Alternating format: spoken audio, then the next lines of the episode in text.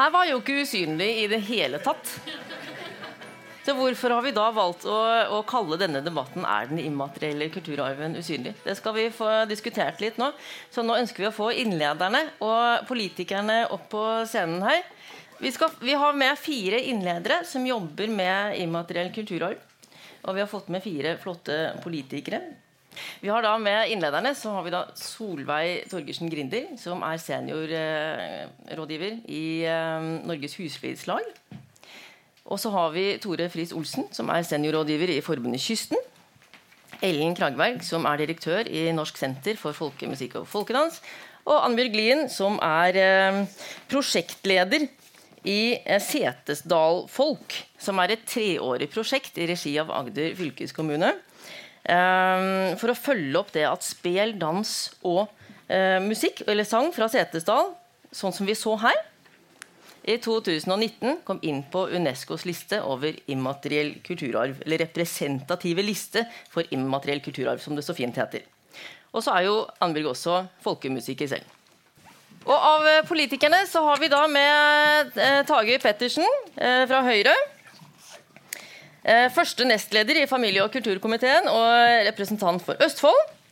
Og så har vi Emma Lind, som er bransjeleder for kreativ næring i Virke.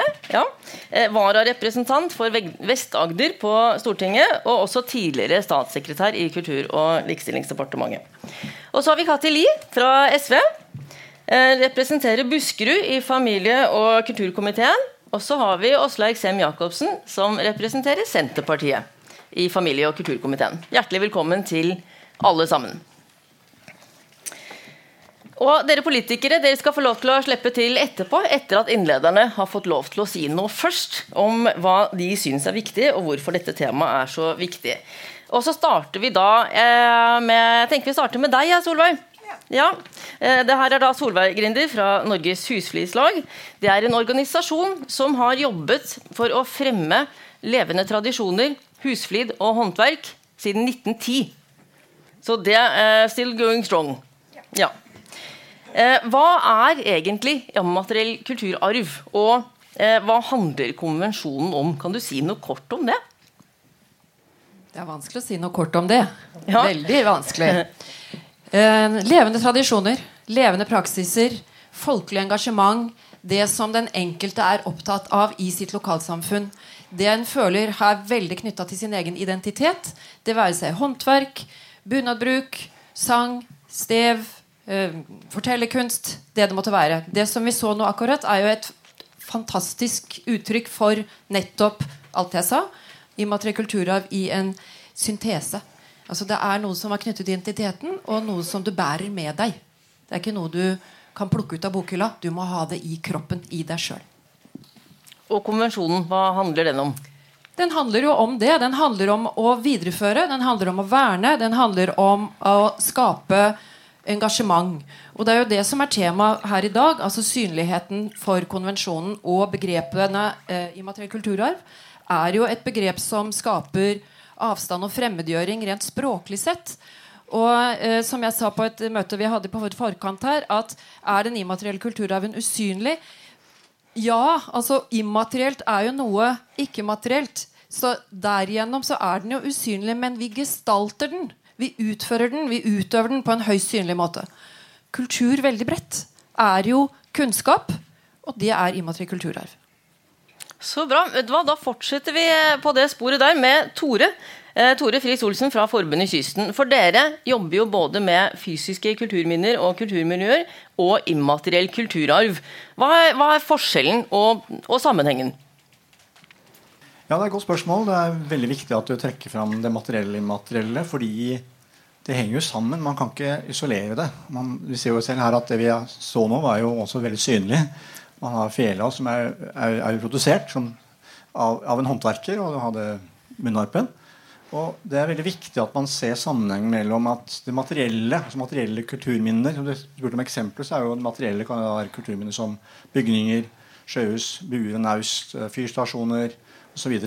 Men så har du den kunnskapen om å tilvirke det, det som, det som, som skal til da, for, å, for, å, få et godt bygningsvern f.eks. Da må du ha godt håndverk, du må ha god utdanning, du må ha skolerte håndverkere osv. Det gjelder for båtbygging også, som vi jobber med i Forbundet Kysten. Så, så, det er uh, den kunnskapen om å bygge båtene som jo da ligger bak denne nominasjonen som vi vi nominerte jo i sin tid nordiske klinkbåttradisjoner på Unescos representative liste over menneskehetens immaterielle kulturarv. ble innskrevet i 2021. Uh, og Der er det en bygging og bruk da, som er essensielt her. Men det er jo altså fokuset på kunnskapen om å tilvirke disse båtene og bruke dem. Flott. Uh, fortsetter med deg, Ellen. Ellen Kragberg. Uh, direktør i Norsk senter for folkemusikk og folkedans. Senteret er 50 år i år. Nasjonalt kompetansesenter. Gratulerer. dere meldte jo også inn denne debatten. Hva er det du ønsker å få ut av debatten? Og har dere noen strategi for å ivareta deres felt?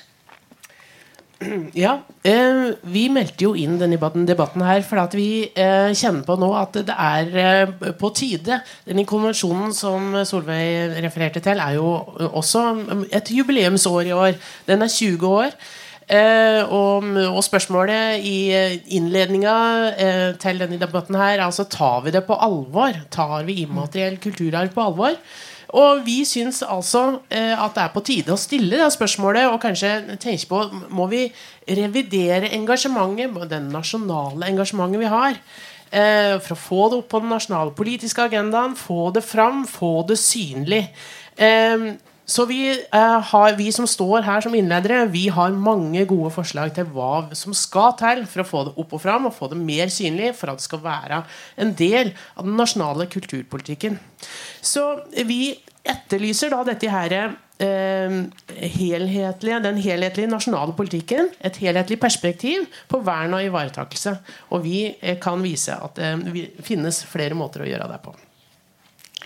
Så bra. Takk. Eh, Annbjørg, da eh, går spørsmålet videre til deg. Annbjørg Lien. Du er her som prosjektleder for Setesdal Folk. Og mens de andre her representerer det litt mer nasjonale perspektivet, kanskje, så representerer jo du det lokale. Eh, det her er en del av kulturarven som trenger vern og utvikling lokalt. Og du har til og med sagt at det er utrydningstruet. Hva mener du med det? Nei, altså eh, eh, Da eh, CESA-stasjonen ble lista i 2019, så eh, var det ingen eh, strategi eller økonomi fra UNESCO eller statspartene. Eh, fylke, Agder fylkeskommune tok da initiativ og hadde forprosjekt og samla sentrale aktører i Setesdal og diskuterte hva gjør vi og ble enige om at, da, uh, at fylket starta opp en treårig prosjektstilling. 100 uh, Og det er virkelig sårbart. de dere så her i dag, er kanskje en tredjedel av miljøet. Og, og, veldig mange er i pensjonsalder. Vil si at det hadde ikke gått mange år før det var helt borte. Og dette er en tradisjon som er ubrutt. Kanskje tilbake til middelalderen. Noen eh, forskere mener det. Og en eh, utrolig viktig del av, eh, av, samfunnet. Og en stor uh, del av identiteten, stoltheten og egenmobiliseringsbiten av mennesket. Og det som er viktig, syns jeg, som også som utøver, er jo nettopp det levende. Det pulserende. Det er det vi snakker om her. Mm. Eh, og det er det som er vanskelig å eh, gripe. Det er det som er vanskelig å konkretisere. Eh, bruker man levende, så er det veldig viktig, og ikke minst bærekraftig, å ta vare på det som puster. For ellers står man bare igjen med døde hus. Og hvis man klarer å få dette her til å henge sammen, så vet man hvordan man skal pusse opp et gammelt hus uten å bruke millioner på å pusse opp feil, f.eks. Så det at uh, immateriell og materiell kulturarv henger sammen, men at mennesket står først, tror jeg er utrolig viktig. Iallfall som utøver. Uh, jeg var så heldig å få studere med en stor mester, Haukbuen i Telemark. Det var før det var noe som helst master eller ph.d. i akademia. Og det å få lov å være nær en mester uh, på sin heimstad og få se hva han var inspirert av, og det er noe man ikke kan lese om i bøker eller lytte til på eh, strømmetjenester lenger. Det var det som gjorde at eh, en av de viktigste grunnene til at jeg er musiker i dag. Og mm. hvis ikke det er bærekraftig, så vet jeg ikke.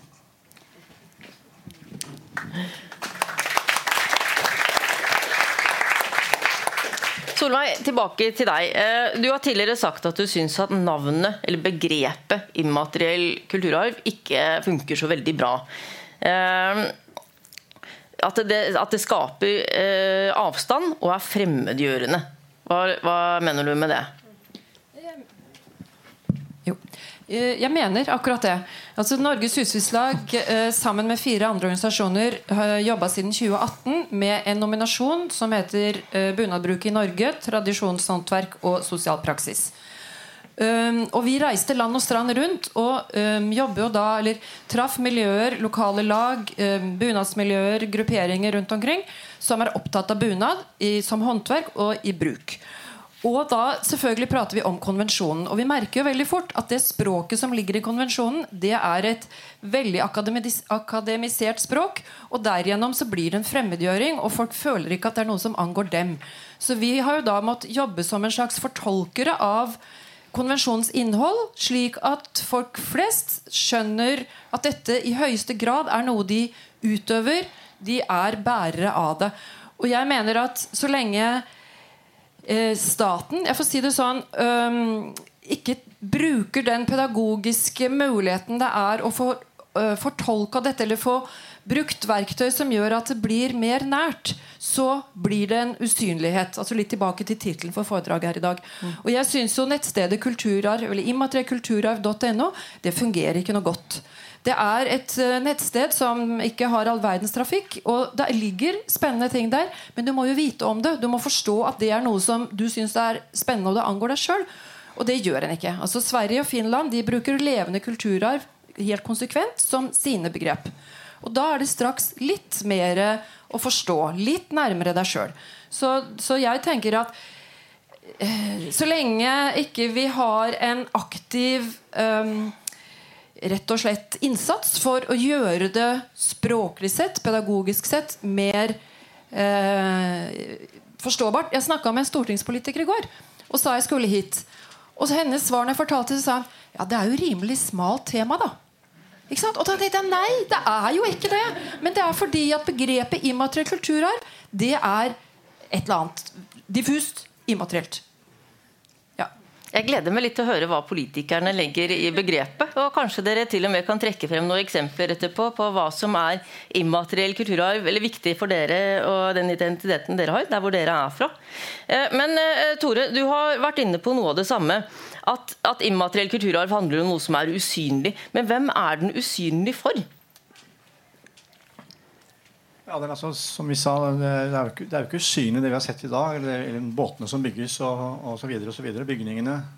Så det usynlige handler kanskje mer om tematikken og forståelsen. Altså ikke at man har tatt det på alvor nok, og særlig politikere og statsparten også. Så det er kanskje usynligheten ligger. For det er jo, hvis man ser på kulturfrivilligheten da, og de som da jobber med det, som, som, utfører det. Enten det er dans, eller det er musikk, folkemusikk, eller det er eh, båtbygging eller tømring osv., så, videre, så er det jo det er jo voldsomt synlig. Så det er mer at temaet og problemstillingene og hva kreves, hvilken politikk kreves, hvilke bevilgninger kreves, hvilke utdanningsinstitusjoner kreves. Og her snakker vi om opplæring og kunnskap på grunnskolenivå. Så det er usynlig. Det er tematikken, det er utfordringen, diskusjonene som er usynlige til min oppfatning. Ehm, jeg vil gjerne få frem et bilde av de ulike aktørene på feltet. Hvem vil si noe om det? Noen som vil ta den ballen? Hvem er det som er de ulike aktørene? Ellen? ja, jeg kan, eh, kan, gjerne si litt om det. Uh, Norsk senter for folkemusikk og folkedans vi har et representantskap i ryggen. Og I det representantskapet så er det altså 70 forskjellige organisasjoner og institusjoner Eh, det er frivilligheten, det er utdanningsinstitusjoner. Eh, det er eh, sånne som oss, kompetansesentre som forsker og holder arkiv. Og det er en, hel, det er en stor variasjon. Og eh, for den som da bygger båter, så er det da hånd, håndverksarbeid altså det er arbeidere som kan, har en kunnskap. Eh, og det er utøvere på forskjellige slag. Og gjerne så er dette her en eh, eh, Det kan være at det overføres til generasjon etter generasjon. Så det er mange forskjellige enheter i dette her. Og det er en av de tiltakene som vi kan gjøre for å bli bedre til å synliggjøre og ivareta F.eks. dansen. Hvis dansen ikke danses, så er det jammen meg ingen som vet at dansen eksisterer. Hvis du aldri har sett noen fra Setesdal Hvis du er fra Setesdal og ikke har sett at noen danser, eh, Setesdalsgangeren, så vet du ikke at den er der. Det er det usynlige. Så vi må eh, sørge for at folk eh, får, eh, blir introdusert for. Og Et av grepene er at de allerede etablerte strukturer i samfunnet i dag, som utdanningsinstitusjoner, er til stede. Bruker immateriell kulturarv. Grunnskolen Eh, altså eh, i eh, fysisk aktivitet, i kroppsøving, i mat og helse, i kunst- og kulturfaga og valgfaget kulturarv. Altså det er mange muligheter eh, til å innlemme det, vår egen lokale immateriell kulturarv. I SFO der skal det være litt bevegelse og litt eh, aktivitet.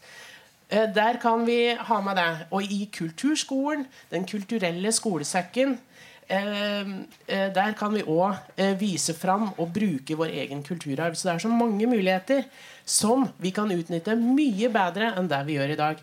Det er eh, den enkleste måten å få alle til å oppleve på. Altså, du er i skolen, ikke sant? alle går på skolen. Alle kan bli introdusert for sin egen kulturarv innafor de etablerte strukturene.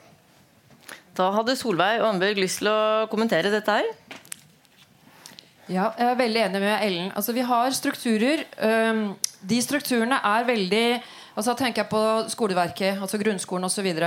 De skal ivareta utrolig mange fag og mange samfunnsemner. Så der er en kamp på plassen. Men vi har en struktur som ikke ble nevnt nå, og det er voksenopplæringsstrukturen. Og jeg vil jo si det at Gjennom voksenopplæringskursene altså Norges husflidslag alene har 65 68 000 timer i året. Og da er jo de kursene for voksne er jo kanskje den sterkeste og viktigste arenaen for videreføring og bevaring av kulturtradisjoner. Og vi er bare én organisasjon. ikke sant? Studieforbundene varetar jo hele feltet hva gjelder immateriell kulturarv med mer. Men, men uh, altså, vi må ikke glemme det, og det er en sektor som virkelig får uh, utrolig mye ut av knapper og glansbilder. Altså, så det å, å tenke at en, en, krone inn i voksenopplæringsstrukturen, den er vel anvendt, og den um, vokser. Altså, der er, det, der er, det, høy rente, for å si det sånn. Den blir det mye ut av for hver voksne som deltar på et kurs. Og gjennom det, som du sa, hvordan kan man lære dans hvis man ikke har sett det? Der kan du lære dans, der kan du lære å skrive, der kan du lære, å, der kan du lære alt i voksenopplæringsstrukturen. Så pass på den. Den er et, et bra. Styrk den. Ser jeg politikerne noterer her. det er jeg veldig glad for. Amund? Nei, Jeg vil bare påpeke det at det er faktisk opplevelsen. Det er det å bli berørt som er kjernen her. Hvis man ikke opplever det og, berør, og blir berørt, og det blir man hver gang når et menneske uttaler seg, på en eller annen måte, så det er mennesket står i sentrum. Og det jeg vil bare få frem eh, som er viktig, er jo at i Setesdal så har all ansvaret for overlevering av denne her kunnskapen ligget hos frivillighet. Det har blitt overlevert gratis i alle generasjoner. Og det er utrolig viktig å bare tenke over. Eh, det er null lønn. De gjør dette fra hjertet. Det er hjertet og sjela deres som brenner for at den kulturarven her skal gå videre og at, eh, å oppleve at det er en så stor, sterk eh, del av samfunnet deres. Og det har vi som sitter i en betalt jobb, et utrolig stort ansvar for å ta på alvor. Og det jeg savner, er veldig mye eh, mer feltarbeid i hierarkiet. For de som sitter i ledende posisjoner Nå har jeg faktisk av en eller annen merkelig grunn fått en sånn posisjon sjøl òg. Fått en ordentlig jobb for første gang i mitt liv. Sitter på Agder fylkeskommune. Og eh, det å ha feltarbeid det å faktisk reise til Setesdal Jeg har kontor på Setesdalsmuseet og bor oppe i en fjøs oppe i Brokke. Og være nær samfunnet. Og det Først da forstår man hva dette her handler om. Det nytter ikke å sitte og lese om det i Oslo eller i Kristiansand eller på noe som helst slags kontor og snakke med en kollega som heller ikke har vært der. Man må ut og lukte og smake og lytte, og kanskje til og med prøve å danse. Det er en forståelse av virkeligheten det eneste måten å lage en god strategi på som resonnerer mye med kommunikasjon mellom statspartene Så det noe, noe kommunikasjon eh, fra statspartene til oss, bortsett fra når vi har rapportert til Kulturdirektoratet. Og, og bortsett fra når vi har prøvd å, å kommunisere om logoproblematikken. som da eh, blir et lokk på et samfunn når man får en Unesco-status. Jeg må bare ha ett sekund på det. Eh, hvor er logoen? Hvor er disse her eh, store hurraropene som vi kan rope ut? Nå, vi, nå, får vi midler, nå får vi strategi, nå kan vi putte en logo eh, på heimstaden vår og være stolt. Og så er det nei til alt. Ikke lov å bruke Unesco-logo, ikke, ikke midler og ingen strategi det, det, da skjer det faktisk Hvorfor blir man da lista? Hvorfor ratifiserer man da konvensjonen? Fordi man legger lokk på noen forventninger som kommer, som faktisk ikke var der før man ble lista. Tusen Vi skal komme til, Dere skal få lov til å svare på det veldig straks. Du hadde en kommentar, og så har jeg et lite spørsmål til deg, Tore. Ja, vi, når, når, det ble snakk om eh, strategi her, så var det en av mine stikkord. så jeg klarte ikke å la være annet enn å si dette her nå. I, for et par år siden så starta det et engasjement i, fra regjeringsapparatet, det forrige, eh, som sa ja, nå skal vi lage en statlig strategi for folkemusikk og folkedans. Og vi ble altså så gira. Vi ble, det gløda av oss. Vi sprute gode ideer. Vi jobba på, hadde masse folk inne for å gi innspill til den statlige strategien. Og vi ble så ja. Så, og, og, så Ja, det, det var pandemi. Noen skylder på pandemien. Eh, og så kom det da et regjeringsskifte, og så nå har vi da masse gode innspill liggende i en skuff i Kulturdepartementet. Så mye ble ut av det. Og det, eh, det å utnytte sjansen av et momentum i noe sånt engasjement som blir skapt, det hadde vært eh, veldig fint hvis det kunne bli tatt videre. ikke sant? Og de bare sette i gang en prosess til meg som vi var med på. Og så rant det ut i sanda. Det var så Så den skuffen må åpnes? Den skuffen må åpnes. Ja. Eh, og ikke bare det, men jeg tror òg at eh, vi må ha med mer enn Kulturdepartementet. Fordi det er en av hindra som gjør at dette her ikke er noe særlig sexy på nasjonal politisk agenda er at det er bare Det, det, det ligger til Kulturdirektoratet, museer og frivilligheten og lokalmiljøet å følge opp. Men jeg tror altså at vi må ha et um, nasjonalt uh, tverrsektorielt samarbeid. Det må på. Eh, kobles på med det som gjør på materiell, gjøres med materiell, materiell kulturarv i Klima- og miljødepartementet. Eh, vi må ha på helse, altså dette her med sosial identitet og um, eh, føle seg til stede og kunne danse, for den saks skyld. Altså, eh, utdanning. Vi, vil, vi trenger ut, uh, utdanna pedagoger som kan jobbe med dette her. Er mange departement som må kobles inn på en overordna nasjonal politikk. Veldig bra. Tore, eh, et lite spørsmål til deg. Er, eh, altså vi, vi, har ikke snakket mye om rolle, eller vi har snakket litt om rollefordelingen, men det er jo også mange flere aktører. Vi har de frivillige, vi har staten, vi har kompetansesentre osv. Og, så har vi også museene. Og Du sa i forkant av denne debatten her at museene tror de er bærerne av konvensjonen, at de frivillige er bidragsytere til dette. Men det stemmer ikke. Vil du utdype den?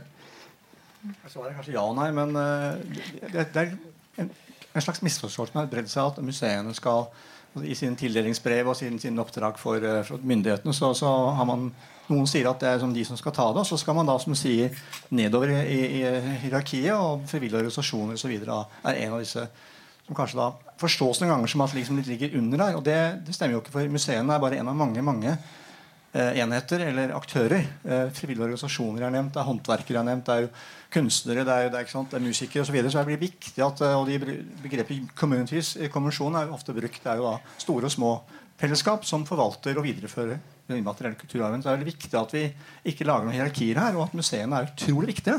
Mm.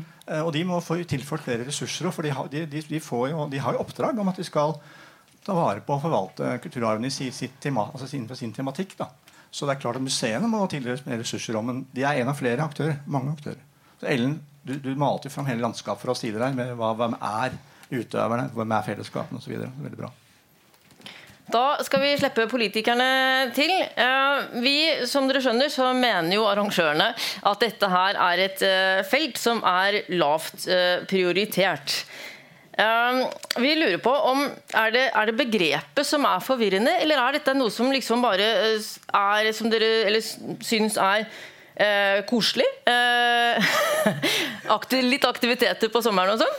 Eller er det noe som dere diskuterer i familie- og kulturkomiteen? Er dette her noe som blir tatt alvorlig, som vi har etterlyst her? Vi kan starte med deg, Torgeir. Takk for, uh, takk for utfordringen, og, og, og, innledningsvis også takk for den runden dere har hatt. For det er det som er interessant for oss å få med oss tilbake. Det ble sagt her at man har mange gode forslag, og flere av de har dere jo presentert uh, allerede. Uh, det er mye av det vi driver med som er veldig koselig. fordi det å få lov å, å drive med kulturpolitikk er jo faktisk veldig mye, mye, hygge også. Samtidig så er det mye alvor. Og det er klart når vi reiser rundt, så bruker vi Jeg tror ikke vi har hatt ett besøk som komité noe sted uten at vi har vært innom et uh, eller flere museer. Og hvor også den immaterielle kulturarven er en del av uh, tematikken. Og som det ble sagt i siste runde her, så er det klart at museene har også et, et veldig stort ansvar for dette. I forrige periode så ble jo også ansvaret for, eh, for, eh, for voksenopplæringsforbundene som er relevante for kultursektoren, ble flytta over til oss i, i, kultur fra utdanning. Noe som jeg tror absolutt har vært med på å øke bevisstheten hos oss som kulturpolitikere i forhold til det vi snakker om eh, nå. Det ble jo sagt her bl.a. fra Husflidslaget at det er klart at voksenopplæringsforbundene forvalter jo utrolig mye av den kunnskapen som vi må ta, ta vare på. Uh, og For meg så er immateriell kulturarv er på mange måter læren om vår felles kulturarv. Det er klart uh, Vi har tingene, men, men, men, vi klarer ikke å vedlikeholde det. Vi klarer ikke å videreføre det hvis ikke vi har kunnskapen om hvordan vi skal gjøre det. Og Det er det som gjør dette så utrolig viktig. Og Skjæringspunktet da mellom kultur og utdanning som dere også har vært inne på her, er jo utrolig uh, viktig for å ha institusjoner som kan forvalte den kunnskapen og sørge for at den blir brakt, brakt, brakt videre. Uh, og, og, det har vært mange gode eksempler her. Jeg hadde senest i forrige uke uh, møte med musikkinstrumentmiljøet, som, som snart er utrydda innenfor flere av uh, instrumentkategoriene våre. Som i så fall vil være en katastrofe i forhold til vår felles kulturarv. Både den materielle, men ikke minst den immaterielle kulturarven. Så her har vi mye å gjøre. Og jeg ble jo skremt når jeg hører at en av dere snakket med stortingsrepresentant i går som mente at dette er et smalt tema. For, for dette temaet her favner jo egentlig over nesten alt det vi bedriver i vår kulturkomité, hvis vi ser bort fra det som ligger under Barne- og familiedepartementet, men det som ligger under Kulturdepartementet. For uten å ivareta den immaterielle delen her, så har vi ikke så mye annet å forvalte etter hvert heller. Veldig bra, Tage. Tusen takk. Emma, du kan gjerne fortsette. Eh, hvorfor syns du at denne debatten er eh, viktig? Hva tenker du er de største utfordringene? Altså, jeg syns det var sagt mye Ikke bare Altså Mye av det som ble sagt tidligere nå, kjenner jeg jo veldig godt igjen. Um, og det er dessverre ikke bare på immateriell kultur uh, at det er vanskelig å få uh, både bli hørt og være synlig. Og, um, og, jeg tenker at det ofte er litt sånn det liksom, Ja, det ordet har nok noe å si. Altså det begrepet vi bruker. Uh, at det er fremmedgjørende.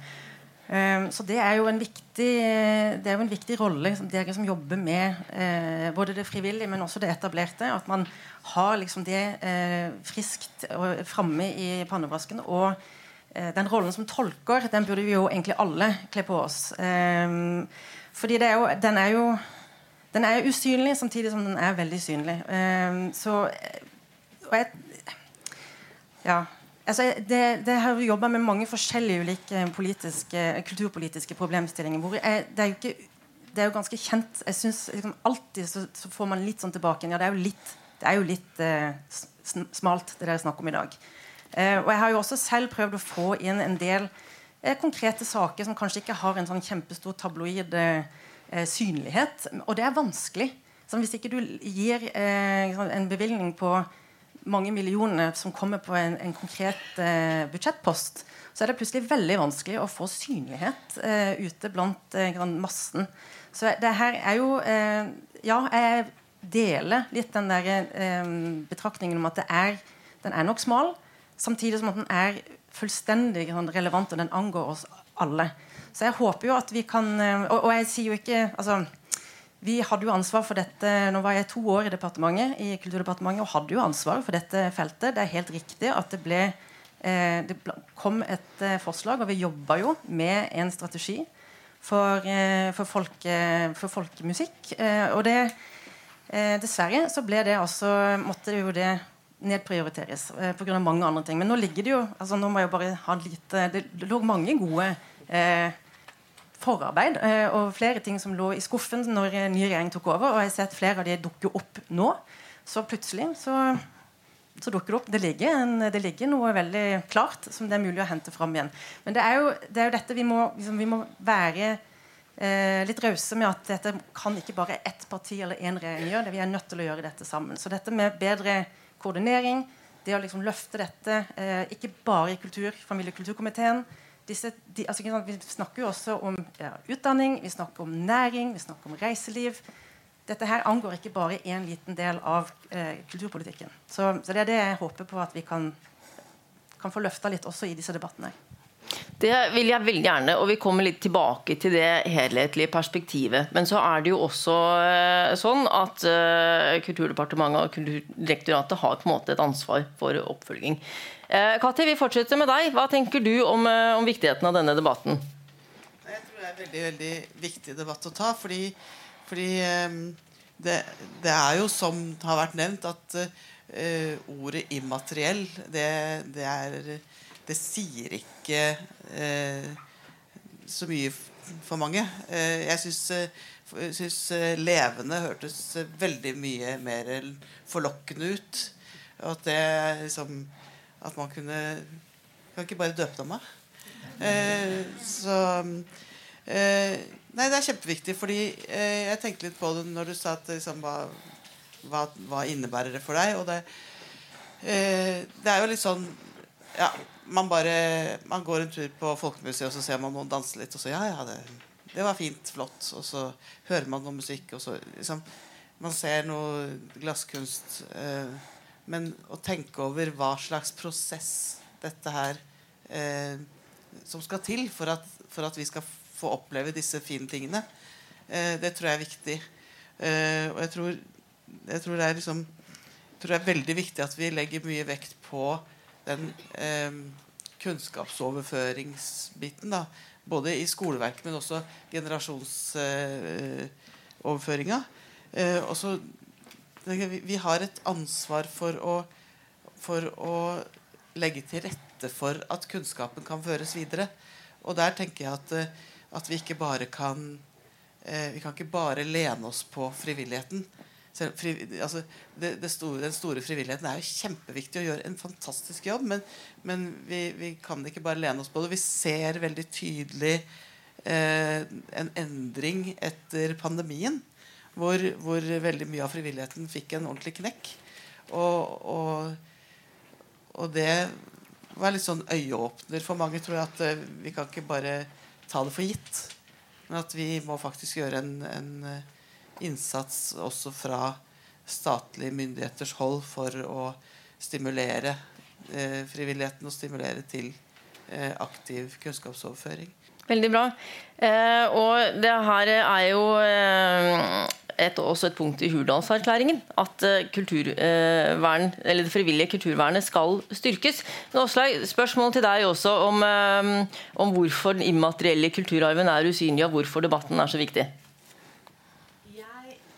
Jeg tror jo at det handler litt om at, at man eh, formelt sett eh, skiller mellom den andre eh, kulturarven og særlig den som Unesco da står for, versus den immaterielle. For i sistnevnte så er på en måte statens bidrag handler mest om å anerkjenne og til dels synliggjøre den type eh, kulturarv.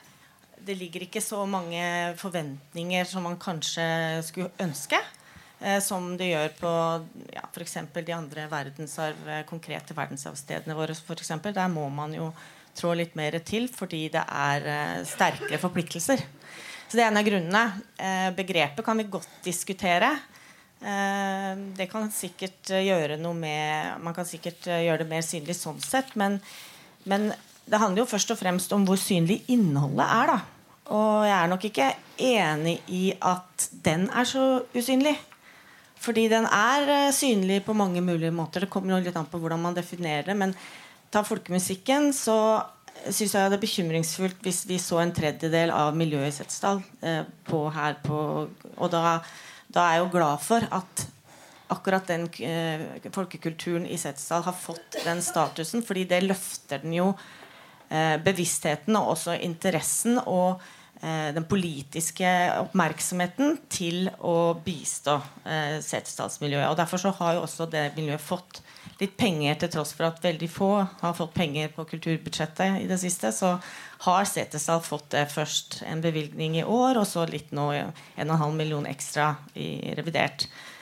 Eh, så du kan på en måte eh, peke på og si 'jeg har den statusen', da er det litt lettere å få eh, oppmerksomhet tror jeg, og, og, hjelp og støtte. Men eh, vi har en del mekanismer som kan eh, utvikles og utnyttes bedre. Om det er eh, studieforbundene, om det er DKS. Hvor mye jeg, opp, jeg opplever at det er litt tilfeldig eh, hvor mye folkemusikk for eksempel, da, er en del av eh, skoletilbudet. Ligger du i en bygd hvor folkekunsten står sterkt, så er det enklere at det er en, er en del av, av eh, ja, kulturbæringa videre til nye generasjoner. Kommer selv fra Heddar. Der er folkekunsten ganske sterk. Jeg er født og oppvokst med den, hadde mye om det på skolen.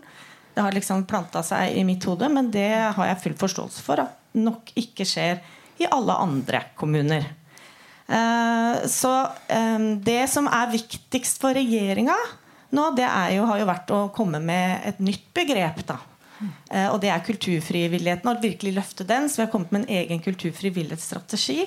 Og i den så er det jo en del ting som peker på uh, goder som vil på en måte tilfalle også det immaterielle kulturarvsmiljøet og kulturvernorganisasjonene. Eh, og så skal vi jo Jeg har jo i hele forrige periode masa om den eh, folkemusikkstrategien. Hvor blir den av? Sendt mange spørsmål som sikkert du har måttet besvare. Eh, og jeg har også mast nå, men etter at vi bestemte, og når vi begynte å jobbe med at vi skal faktisk innfri hele musikkfeltets store drøm om en egen gjennomgang av hele musikkfeltet, og vi sa ja til det, så blir det en del av den NOU-en. Så bare for å ha svart ut det. Flott. Og vi var jo så heldige å få sitte i, vi i Kulturarvsforbundet i denne referansegruppen til uh, Kulturdepartementet rundt arbeidet med uh, strategien for kulturfrivillighet. Vi er veldig glad for at regjeringen har løftet det feltet nå. Det er kjempefint. Eh, så vi satt i den referansegruppen sammen med flere av de andre paraplyene på feltet. Det som var litt skuffende eh, for vår del, var at eh, det var temmelig tynt på satsinger på kulturvernfeltet. Mens det var satsinger på musikk og teater og sånt, så var det ingen satsinger i det hele tatt. Bortsett fra en samordning, bedre samordning av feltet. Og det mm, men det er jo andre tiltak som kommer. Jeg er ikke helt enig i det. For Hovedmålet var f.eks. behovet for lokaler som alle spilte inn. Og hvis du skal danse, f.eks., så har du også behovet for det. For det har vært nedprioritert nå i ti år. At man i hele tatt har gjort noe. Og ordningen for regionale kulturbygg f.eks. har vært ligget dødt eh, fordi man brukte de pengene på noe annet tidligere. Så eh, jeg er ikke helt enig i det. Nei, det, det, det, skjønner jeg. Og det, mm, det, kommer selvsagt oss til gode også. Og det er mange ting i den strategien som også kommer oss til gode. Bl.a. blant annet skal det utarbeides regionale kulturfond eh, som skal treffe hele feltet. Så det gleder vi oss til å jobbe videre med det. Eh, men Tore, du hadde en kommentar. Ja, det var en kort kommentar, men det var nevnt ordet forpliktelser, som eh, er veldig viktig. Da med henvisning til kommisjonen, 2003-konvensjonen. Eh, underveis og i egentlig mange år så har vi jo innimellom fått høre, særlig fra Kulturrådet, altså Kulturdirektoratet i dag, at konvensjonen, altså den 2003-konvensjonen ikke er så forpliktende. Den handler kanskje mer om føringer og veiledning osv.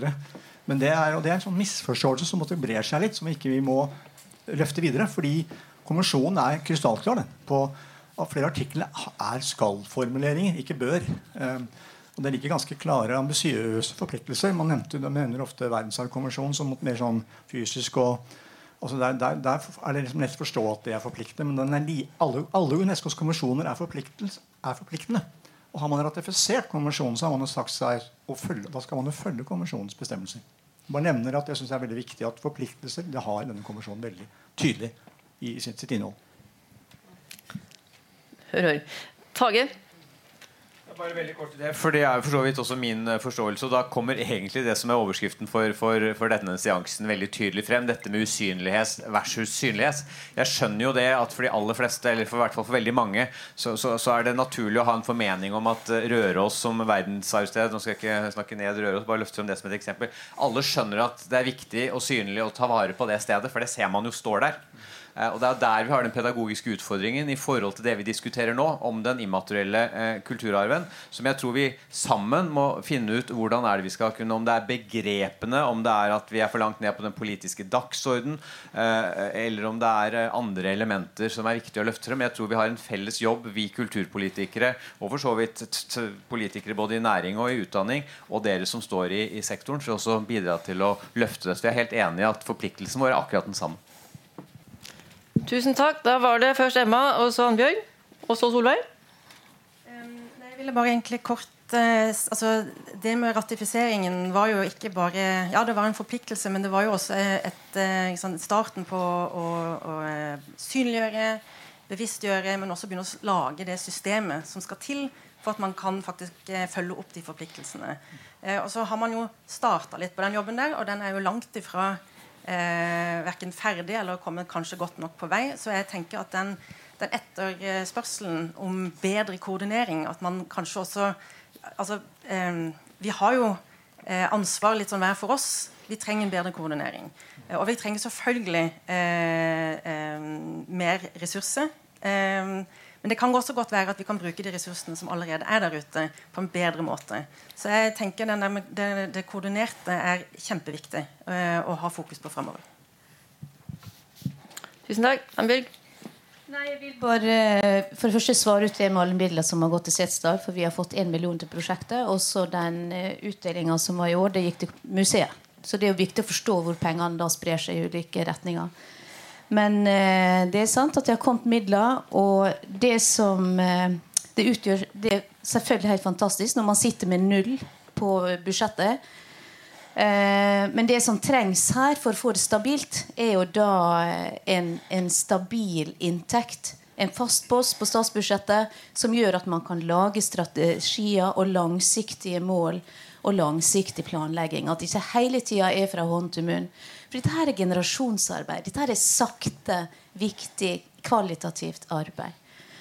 Eh, og så tenker jeg hva er det som gjør at man da, at tabloiden, som, som du nevnte, hva er, det, hva, hva er, det, som gjør, hva kommer først av høna og egget? Hva er det som gjør at det er det som styrer?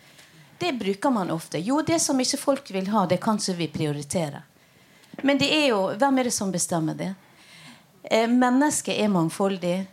Eh, og det er nettopp Dette miljøet her er så mangfoldig, og det er en sånn bredde. Det er internasjonalt, henger sammen. Og det er en stor, veldig åpen pott der det er plass til ganske mange uttrykk som faktisk er enormt svær.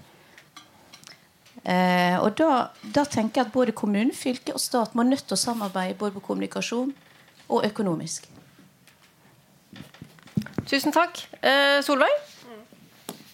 Um, bare helt kort. Altså, det er 20 år i år siden konvensjonen ble eh, innstifta eller ratifisert. Eller ikke ratifisert, men den ble innstifta. Vi ratifiserte den i 2007. Bruk året i år. Nå er vi halvår sankthans. Det om et par dager. Da har vi et halvt år igjen på dette året. Bruk høsten til å få drøfta dette opp og ut. Jeg tror ikke det skal så veldig store ressurser til. faktisk Vi er veldig mange som Ambjørg peker på her. Miljøene er livskraftige. Vi har mange engasjerte. Mange som man kan spille på. Det skal ikke store grep til for å få det litt ut å fly i år. Så det syns jeg hadde vært uh, godt å se. Jeg har hørt at det er muligvis noe på gang i forhold til uh, Wikipedia. Eller hva var det du sa, Toril? Wikimedia? Mm. Wikimedia. Wikimedia. Mm. Ja. Men da må man altså må handle nå. ikke sant? Nytter ikke å komme i oktober. November. Da har liksom julenissene begynt å innta julehyllen allerede. Nå må dere si fra at det er 20 år siden. Og dette er verdt å løfte fram. Dere har sett, eller Vi har aldri sett i dag.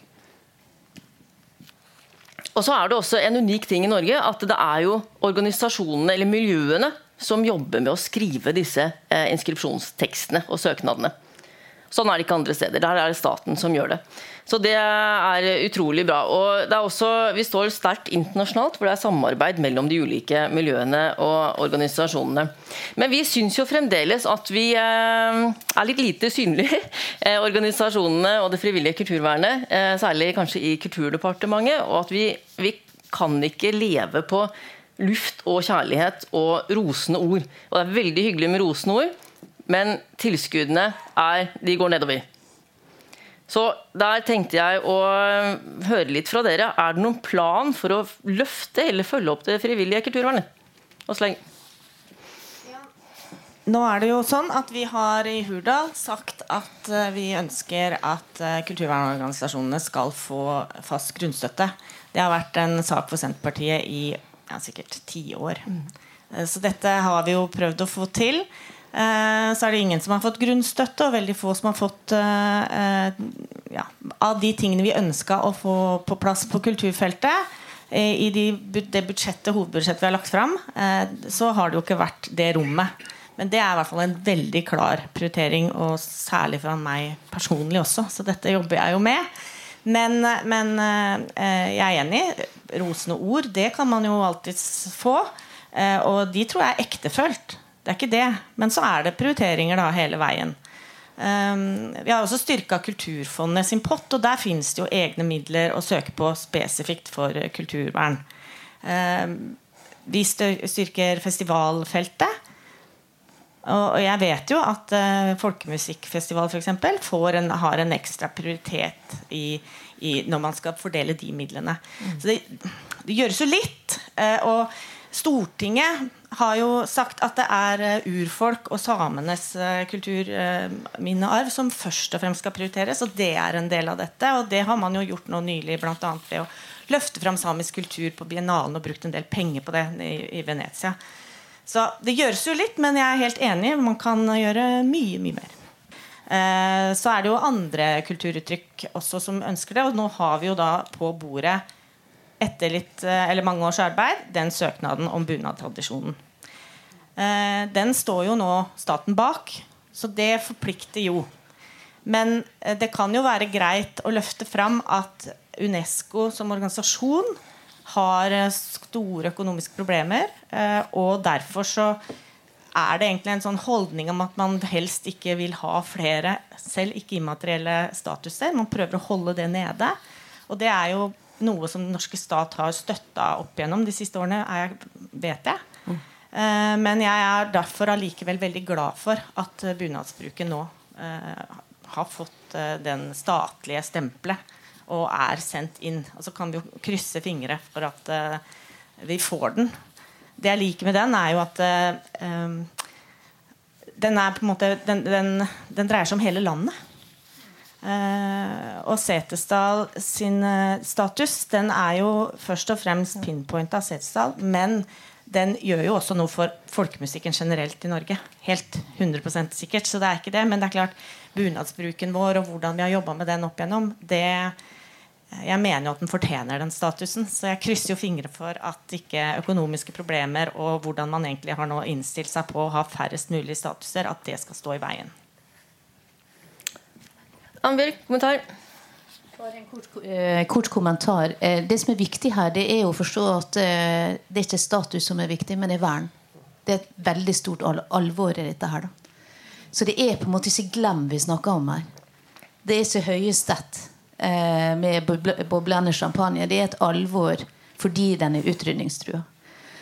Og da er jo det også en minoritet. Og selvfølgelig representerer Setesdal folkemusikken i hele landet med å komme dit. Men det er først og fremst fordi den er så sårbar og på, til, eh, på vei til å forsvinne. Bra. Kati, nå er det din tur. Ja, jeg plukka opp på, på, to stikkord. Det ene var tilskuddsordningen, det andre var eh, å være overarbeida. Eh, og eh, eh, Nei, fordi at eh, i denne sesjonen så har vi jo på Stortinget vedtatt SVs forslag om eh, forenkling av eh, tilskuddsordningene. Eh, fordi at eh, det vi erfarte, det var at eh, de eh, for frivilligheten og sivilsamfunnet, de organisasjonene som som har såpass økonomi at de har en ansatt som kan sitte og lete etter alle mulige søknadsportaler og finne fram til alle tilskuddsordninger, de klarer å få mer penger ut av systemet enn enn de som ikke har den muligheten. Så vi har eh, da fått et bredt flertall på Stortinget med på at, eh, at vi skal eh, jobbe for at det, at det skal bli ett sted å søke, ett sted å rapportere, og at det skal være mulig å få flerårige tilskudd. Eh, også at hvis pengene kommer seint på året, skal man få mulighet til å overføre til neste år. Så, så vi håper at det, eh, at det vil hjelpe eh, alle eh, organisasjonene der ute til å, å få eh, bruke tilskuddssystemet på en bedre måte og, og faktisk eh, slippe å bruke så mye tid og krefter på det. sånn at man kan bruke mer tid på det man egentlig vil drive med, som jo er Eh, så man vet, altså Alle organisasjoner vet hva de skal drive med. Så, så det tenkte vi var viktig. Og så har jeg lyst til å bare nevne to eh, små ting fra eh, revidert budsjett nå. Eh, vi eh, har fått, eh, sammen med regjeringspartiene, med inn fem millioner mer til Hardanger fartøyvernsenter. og så har vi fått til, til Eh, fem millioner til eh, de håndverksskolene, bl.a. båtbyggerskolen i, i Fredrikstad. Og så, Setesdal. Og så fikk vi penger til Setesdalsbanen. Så, så, bare for å ha sagt det, så er vi jobber med saka. Veldig bra. og jeg må bare skyte inn at Fartøyvernsenteret vant jo også nå nylig en internasjonal pris, Europa Nostra-prisen. Så det er en veldig fin anerkjennelse, det også. Åslaug? Katja er inne på, er viktig. For det er jo, eh, selv om vi nå peker på staten, og det er grunnen til at vi står her, så, og, så, og egentlig fylke og kommunale politikere, så er vi jo helt avhengig av at de frivillige organisasjonene får muligheten til å gjøre jobben sin så godt som mulig. Så vi har lansert en ny portal som heter tilskudd.no, hvor det skal være enklere. Men så vi også, er vi enige med SV at dette skal, vi må forbedre det. Mm. Selvfølgelig. Eh, men, eh, og så har vi innført full momskompensasjon for alle de frivillige lag og foreningene. Og der også er det jo mer penger eh, å hente for de som driver med dette arbeidet. Som da går direkte Altså man slipper å betale skatt på den dugnaden sin når de kjøper varer og tjenester. Så Smått om senn så jobbes det jo på, og det har jo vært frivilligheten. Som kulturfrivilligheten har vært en, nei, kulturminnefrivilligheten har vært en viktig del av. Det har vært deres ønske og krav siden 2007, så det har vi jo innført nå. Eller vi har levert på det da de siste budsjettene. Så um, jeg er helt enig i at vi kan gjøre mer. Men vi gjør, vi gjør også noe. Eh, da var det faktisk Solveig først, og så Tage. Åslaug, uh, veldig glad for at du trekker frem den nominasjonen som vi har sendt inn. Uh, Bunadbruk i Norge. Og um, Du nevnte også dette med status. Og det, ja, en, en form for status. Men um, det er mye mer komplekst enn som så. Og i og med at UNESCO krever at når det er sendt inn og kom, altså fått til en innskrivning på en av de listene som konvensjonen uh, ivaretar, så er statsparten, altså avsenderen, Eh, forpliktet til å sende inn rapport på hvilket vernearbeid som er gjort i en fireårsperiode. Så når da Norge har sendt, og dette kom tilbake og sagt at ja, det er innskrevet, så er det staten som da etter fire år må fortelle hva man har gjort for å videreføre, verne, sikre denne praksisen. Og eh, til bunadbruk. Det er veldig komplekst. Vi kommer veldig fort inn på dette med utdanningsfeltet. Det ligger jo det, det å sikre at det finnes videregående opplæring, slik at man kan bli bunadtilvirker. At det finnes økonomisk bærekraft for å være en enpersons systue et eller annet sted i Norges land.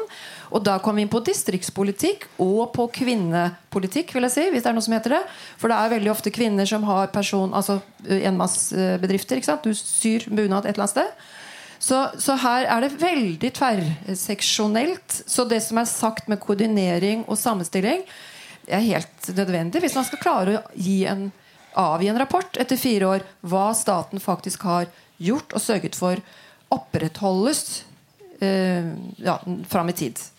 Og ofte så er det jo altså, I hvert fall i forhold til kulturminner, da, så blir de jo ofte oppfattet som uh, utgifter. Men det er jo også levende tra tradisjoner. Folk kommer jo hit. Det er jo en del av uh, den uh, reiselivsstrategien. Folk kommer jo hit for å oppleve levende tradisjoner i Norge. Det er en viktig del av det også.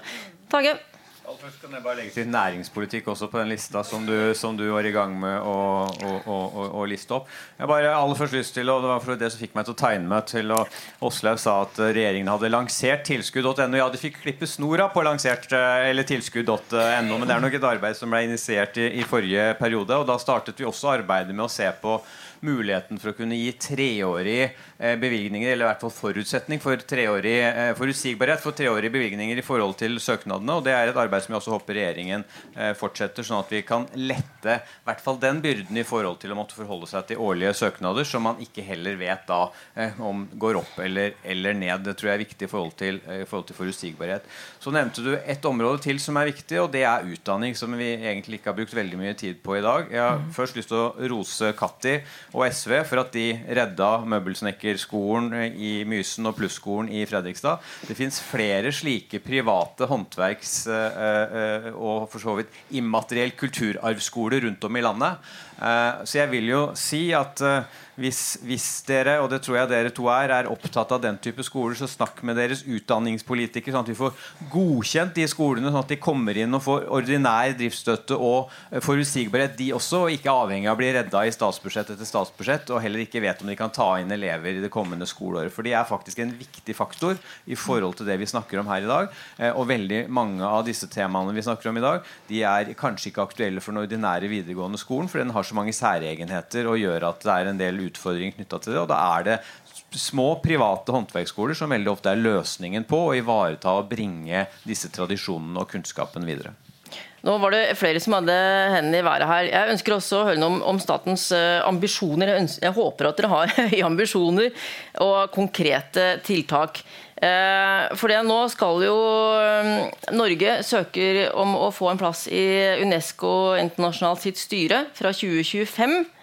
Og da må man jo ha ting på stell eh, for alle konvensjonene.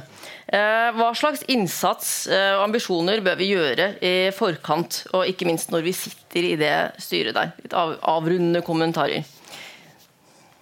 Nå ble det plutselig stille. Nå var det ingen som ville si noe. Det var uvant. Aslaug? kjenner ikke jeg så veldig godt til uh, hva som er uh, hovedårsaken til at Norge søker den styreplassen. All den tid at uh, det er jo litt krevende i den organisasjonen akkurat om dagen.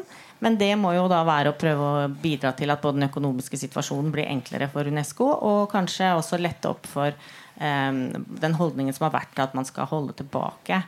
Um, men en annen ambisjon er jo at vi er i en tid nå hvor det er altså Én ting er den immaterielle kulturarven, men veldig mye annen kulturarv er jo angrepet på ulikt vis. Om det er av klima, eller om det er i krig og konflikt. Så jeg håper jo at Norge kan være med å bidra til å løfte eh, kulturminnevern høyere på den politiske agendaen internasjonalt også. For noen land er jo ikke like opptatt av det som oss. Eh, Norge er jo av de største bidragsyterne økonomisk til UNESCO. Eh, vi kan jo prøve å jobbe for at andre skal eh, bli like ivrige som oss, f.eks.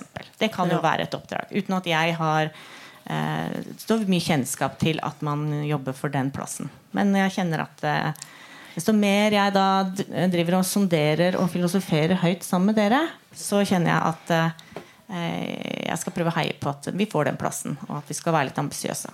Veldig bra. Det er jo også et nordisk samarbeid her, hvor Norden eh, ønsker å ha eh, et av våre land inn i det styret. Eh, så det er vel litt av bakgrunnen der. Og jeg snakket også med styrelederen i Unesco-konvensjonen i Norge, Rebekka Morsch, forrige dagen, som har tatt opp dette med kulturministeren også. At det må også være mer fokus på immateriell kulturarv. Nå har vi ett minutt igjen. Noen avsluttende kommentarer. Tage, du hadde hånda i været? Ja, det er bare veldig kort. Åslaug svarte egentlig veldig bra på det spørsmålet som du, du, stilte. Og det Er klart at er det noen land i verden som skal kunne være med å sitte i førersetet i forhold til det vi snakker om her, så er det jo de nordiske landene.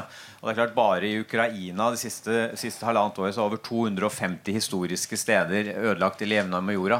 Nå er ikke de immaterielle, men det er klart en del av kunnskap for å bygge det opp igjen er immateriell kulturarv. Så her har vi en viktig jobb å gjøre, og jeg er helt sikker på at vi som kulturpolitikere skal heie frem at Norge får en sånn styreplass, og at Norge skal bruke den og forvalte den vel. Veldig bra. Eh, hadde du én kort kommentar, eh, Emma? Eh, du har ca. ti sekunder.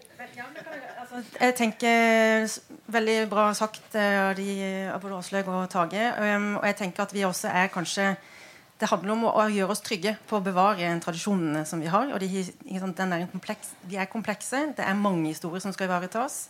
Hvis vi er trygge på det, så får vi også mulighet til å, og rom for å, å bygge nye. Og det må vi også ha plass til. Og med det så sier vi tusen takk til alle innlederne og politikerne, og til dere som har møtt opp her i dag for en kjempefin debatt.